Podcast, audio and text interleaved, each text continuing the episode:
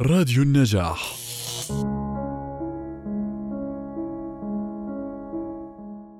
الآنسة بريل كاثرين مانسفيلد من عام 1888 إلى عام 1923 ولدت في نيوزيلندا وبدأت تكتب القصص قبل أن تبلغ الثامنة ونشرت أولى قصصها وهي في التاسعة. وكانت تحرر مجلة منسوخة باليد أثناء تلقيها العلم في المدرسة. ترددت على لندن ثم بقيت هناك عندما بلغت العشرين وبدأ اسمها بالظهور ولا سيما بعد أن اشتركت مع ميدلتون ميري. وكان ناقدا مشهورا وأحد أساتذة إكسفورد فيما بعد ولورنس في تحرير مجلات أدبية ظهرت في فترات متقطعة وبأسماء مختلفة. ثم تزوجها ميدلتون ميري ونشر قصصها بعناية خاصة. وكانت تكتب القصة إثر الأخرى ولشدة انتقادها لنفسها تمزق أكثرها. ولكن صحتها كانت في تدهور مستمر. إذ أصيبت بالسل فراحت تنتقل من مكان إلى آخر للاستشفاء دون جدوى. إلى أن ماتت ولم تبلغ الخامسة والثلاثين من عمرها. في فونتينبلو بفرنسا في المجمع الذي كان قد أنشأه غورجييف بعد نشر مجموعتها القصصية حفلة في الحديقة بسنة. جاءت فترة كانت كاثرين مانسفيلد فيها تعد من رواد الفن القصصي الحديث. وهي في قصصها التي تصور في معظمها مشاهد من حياتها في نيوزيلندا أقرب إلى تشيخوف منها إلى دي موباسان لأنها لا تهتم بالحبكة بل ينحصر جل همها في جمع التفاصيل بعناية لكي تبرز من خلالها معنى من معاني الحياة.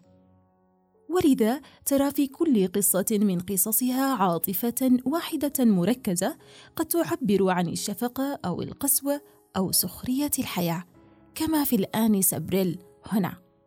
وهي تنتقي تفاصيلها وتفرزها بحرص شديد لتقوي هذه العاطفة ما استطاعت.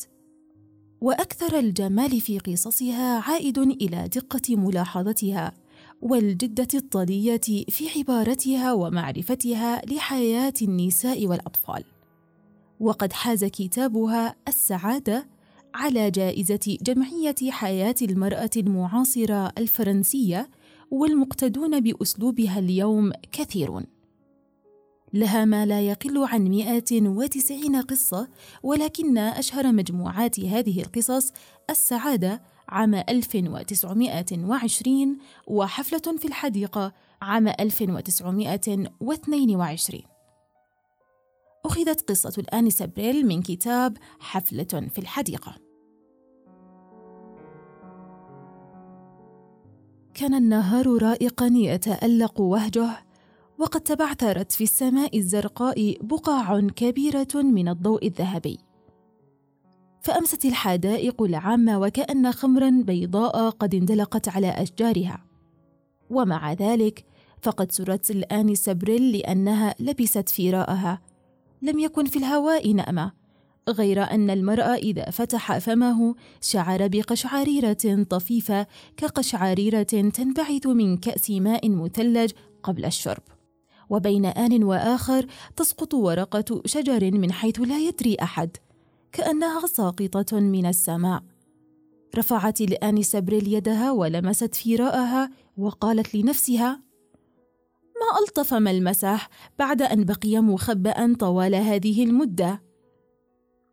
وكانت قد أخرجته من صندوقه بعد ظهر ذلك اليوم ونفضت عنه مسحوق العث ثم نظفته بالفرشاة ودلكت العينين الصغيرتين حتى عاد إليهما بريق الحياة. وخيل إليهما تسألانها بحزن. ما الذي أضابنا؟ آه ما أجملهما وهما تنظران إليها من بين شعر الفراء الأحمر الناعم غير أن الأنف الذي كان مصنوعا من مادة سوداء لم يكن مثبتا في مكانه فلعله قد اصطدم بشيء ما. ولكن لا بأس فإن قليلا من الشمع الأسود سيثبته في مكانه عندما تقتضي الحاجة. وقالت تخاطب الفراء يا خبيث لقد عضدت ذنبك وأنت ملفوف حول عنقي وفمك قرب اذني اليسرى. وكادت تخلعه وتضعه في حضنها لكي تمر بيدها على ظهره الناعم. وشعرت برعشة ملذة في يديها وذراعيها غير أنها عزت ذلك إلى المشي في الحديقة. ولما تنفست خيل إليها أن شيئا يتردد بين الحزن والحبور في خفة النسيم ولطفه يتحرك في حنايا صدرها. كان في الحدائق هذا العصر عدد من الناس أكثر منه يوم الأحد الماضي. وكانت فرقة الموسيقى تصدح بألحان أكثر مرحا وأشد ارتفاعا من قبل وذلك لأن الموسم قد ابتدأ. ولئن تكن الفرقة تعزف كل يوم أحد طوال السنة فإن أيام الموسم ليست كسواها. فهي تعزف الآن كموسيقي يعزف أمام أفراد عائلته. لا يهمه ما الذي يعزف ما دامت حلقة المستمعين إليه خالية من الغرباء. وخيل إليها أن قائد الفرقة يلبس معطفا جديدا أيضا بل إنها كانت واثقة من ذلك وهو يضرب الأرض بقدمه ثم يلوح بذراعيه في الهواء كالديك على وشك الصياح في حين يجلس الموسيقيون على المنصة الخضراء ينفخون أوداجهم ويمعنون النظر في أوراق الموسيقى أمامهم. وإذا بنغمة قصيرة حلوة تصدر عن الناي كأنها سلسلة من قطرات براقة. فأكدت لنفسها بأنها ستعاد. وأعيدت. فرفعت رأسها وابتسمت. لم يكن جالسا معها على مقعدها الخاص إلا رجل وامرأة. أما الرجل فهو شيخ وقور في معطف مخملي ويداه منضمتان فوق عصا ضخمة عليها زخارف منقوشة. أما المرأة فهي عجوز بدينة مستقيمة الظهر في جلستها وعلى مريولها الموشى لفافة من خيوط الصوف. وقد خاب أمل الانسه بريل حين لم يتجاذبا أطراف الحديث لأنها كانت شاغفة بالإصغاء إلى حديث من حولها. وهي تعتقد أنها أضحت خبيرة في استراق السمع كأنها تحتل مكانا لنفسها ضمن نطاق حياة الناس برهة وهم حولها يتحدثون. ثم تنتقل إلى غيرهم. نظرت من طرف عينيها إلى العجوزين وقالت لعلهما سيذهبان عن قريب. وتذكرت أن يوم الأحد السابق لم يكن فيه من المتعة ما اعتادت عليه إذ لم يجلس على مقعدها إلا إنجليزي وزوجته وكان هو يلبس قبعة بنامة قبيحة وهي تلبس حذاء ذا أزرار. وقد راحت طوال الوقت تتحدث عما إذا كانت ستلبس نظارات أم لا. فهي تعرف أنها في حاجة إلى النظارات. ولكن لا ريب عندها أنها سرعان ما ستكسرها أو أن النظارات لن تستقر مكانها. أما الرجل فكان صبورا جدا فاقترح على زوجته كل أنواع الاقتراح. الحواف الذهبية والنظارات التي تلتف حول الأذن وتلك التي لها قطعة صغيرة من اللباد فوق الأنف. ولكن ما من شيء يرضيها إذ قالت مهما تكن فإنها ستنزلق على أنفي. وكم ودت الآنسة بريل حينئذ لو هزت المرأة بيديها هزة عنيفة. جلس العجوزان على المقعد لا يتحركان كأنهما تمثالان. ففكرت الآنسة بريل لا بأس فلأراقب الجمهور. وكانت الجماعات والأزواج من الناس يتمشون ذهابا وإيابا أمام أحواض الزهور ومنصة الموسيقيين. أو يتوقفون قليلا للحديث أو التحية أو لابتياع باقات الزهور من متسول هرم كان قد ربط بسطته إلى قضبان الحواجز الحديدية. وكان الأطفال يتراكضون بينهم يصيحون ويضحكون. الصبية منهم يلبسون ربطات حريرية بيضاء تحت ذقونهم والبنات كالدمى الفرنسية الصغيرة يلبسن فساتين المخمل والدانتل وكان هناك طفل يخرج فجأة من تحت الشجر إلى العراء ثم يجلس فجأة على الأرض إلى أن تسرع أمه إليه بخطاها الواسعة كأنها دجاجة صبية. وتأخذه بين يديها وتعنفه. ومن الناس من كان يجلس على المقاعد والكراسي الخضراء ولكنهم لم يتغيروا قط. فهم هم كل يوم أحد. ويكاد يكون في كل منهم وهذا ما لاحظته الآنسة بريل شيء يبعث على الضحك. فهم غريبو المظهر يؤثرون الصمت. وكلهم تقريبا طاعنون في السن. يلوح عليهم عندما يحدقون بكل ما حولهم كأنهم جميعا قد خرجوا منذ دقائق من حجرات صغيرة مظلمة بل كأنهم قد خرجوا من خزائن المطبخ. كانت الأشجار خلف منصة الفرقة الموسيقية. هيفاء تهدلت عليها أوراقها الصفر ومن خلالها يرى خط رفيع من البحر. والسماء الزرقاء من فوق تشوبها غيوم كعروق من الذهب. وراحت الفرقة تعزف تم تم تم تدل تم تم تدلي تمتع جاءت فتاتان لابستان لباسا أحمر فالتقى بهما جنديان لابسان لباسا أزرق. فتضاحكوا وتأبط الواحد ذراع الأخرى وغادروا المكان فرحين. ثم مرت امرأتان قرويتان تلبس كلتاهما قبعة قش مضحكة الشكل. تقودان حمارين أسمرين جميلين. وتلتهما بسرعة راهبة شاحبة الوجه جامدة المحيا. وبعدها جاءت حسناء فسقطت منها وهي تمشي باقة من البنفسج. فلحق بها ولد صغير لكي يسلمها الباقة. غير أنها أخذتها منه وألقت بها على الأرض كأن البنفسج قد تسمم. فتمتمت الانسه بريل يا سلام ولم تدري أتعجبه بذلك أم لا؟ ثم التقى أمامها امرأة تلبس معطفا من فرو الأرمين ورجل في بدلة رمادية طويل القامة متصلب الحركه بادي الرزانة. وأما المرأة فقد كانت تلبس معطف الأرمين الذي اشترته أيام كان شعرها أصفر الصبغة ولكن شعرها الآن ووجهها بل وعينيها وكل شيء فيها قد حال لونه حتى أصبح في لون فراء الأرمين الرث. ولما رفعت يدها في قفازها المنظف لكي تضع شيئا من الأحمر على شفتيها بدت اليد كأنها مخلب صغير أصفر. ويا الله كم سرت للقياه وكم فرحت. هذا ما سمعتها الآنسة بريل تقول بل لقد حذرت أنهما سيلتقيان بعد ظهر ذلك اليوم.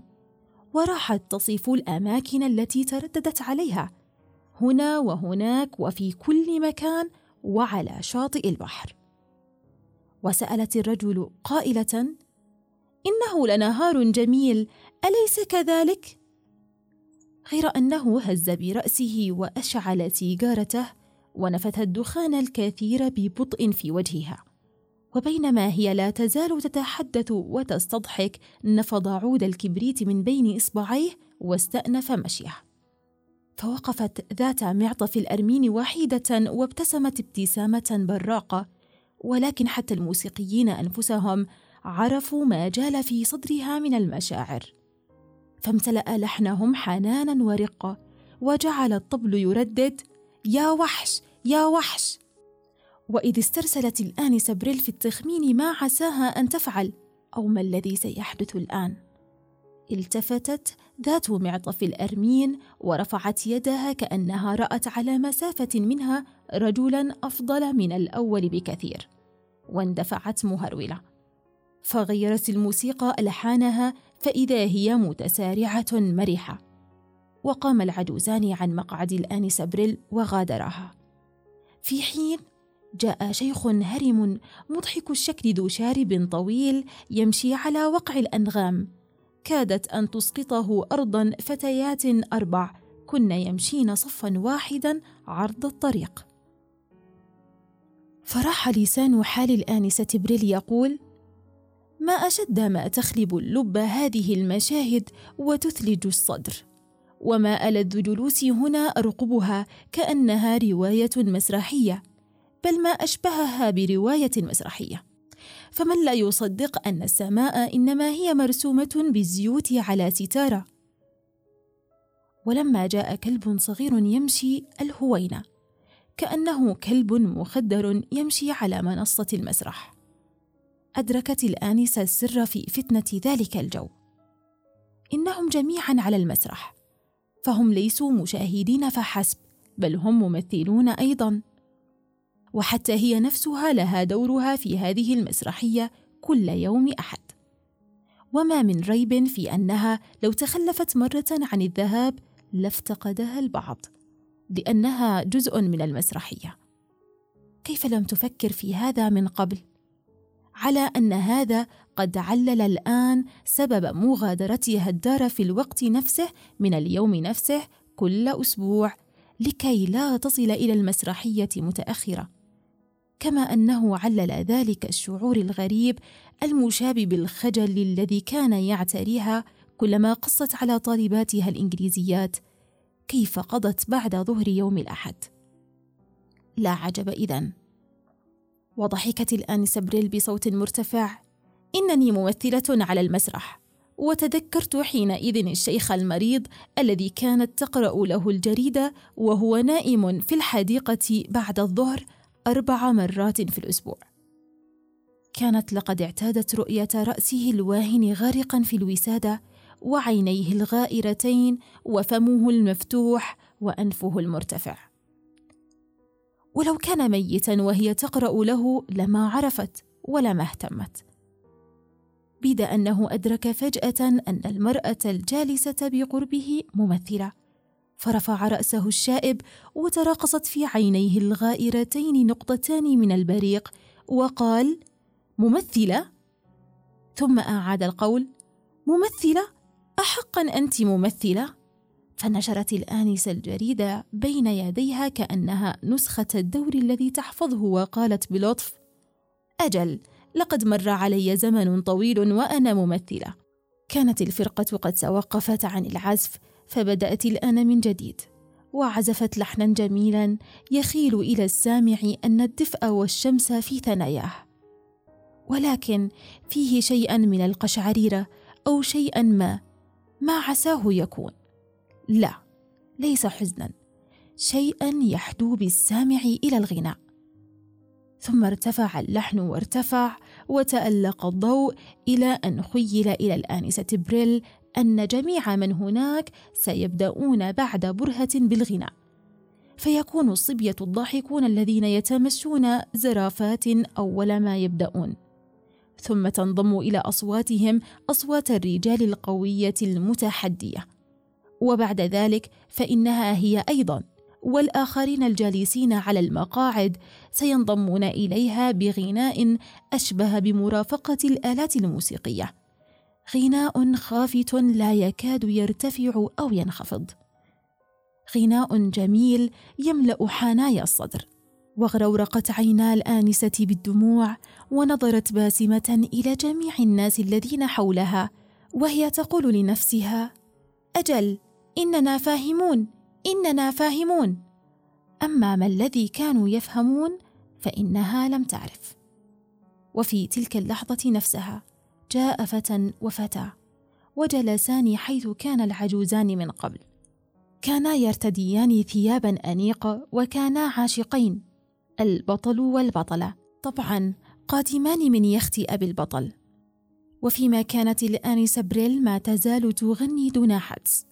والابتسامة ترتجف على شفتيها أرهفت أذنيها لتستمع إلى ما يدور بينهما من حديث. قالت الفتاة لا ليس هنا لا أقدر هنا. فسألها الفتى قائلا ولم لا؟ ألأنك تستحين من تلك العجوز الحمقاء الجالسة على طرف المقعد؟ ما الذي يدفعها إلى المجيء هنا؟ من يريدها هنا؟ ولماذا لا تبقي وجهها السخيف في البيت؟ فانطلقت ضحكة رنانة من حلق الفتاة وقالت إن الذي يضحكني هو فراؤها إنه يشبه سمكة مقلية تماما. قال الفتى في همسة غضبة اذا دعي عنك كل هذا. وأردف وأخبريني يا حبيبتي الصغيرة. فقالت لا ليس هنا لننتظر قليلا.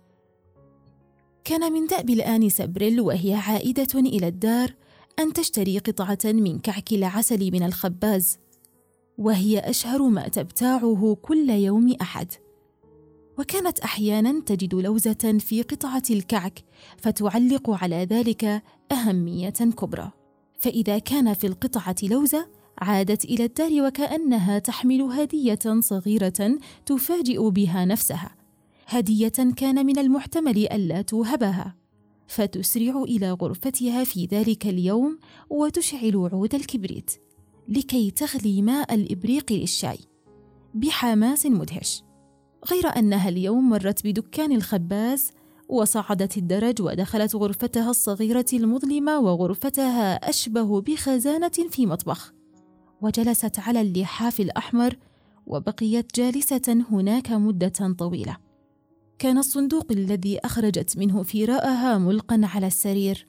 فرفعت الفراء عن عنقها بسرعة وبسرعة وضعته في الصندوق دون أن تنظر غير أنها لما وضعت الغطاء عليه خيل إليها أنها سمعت شيئا يجهش بالبكاء.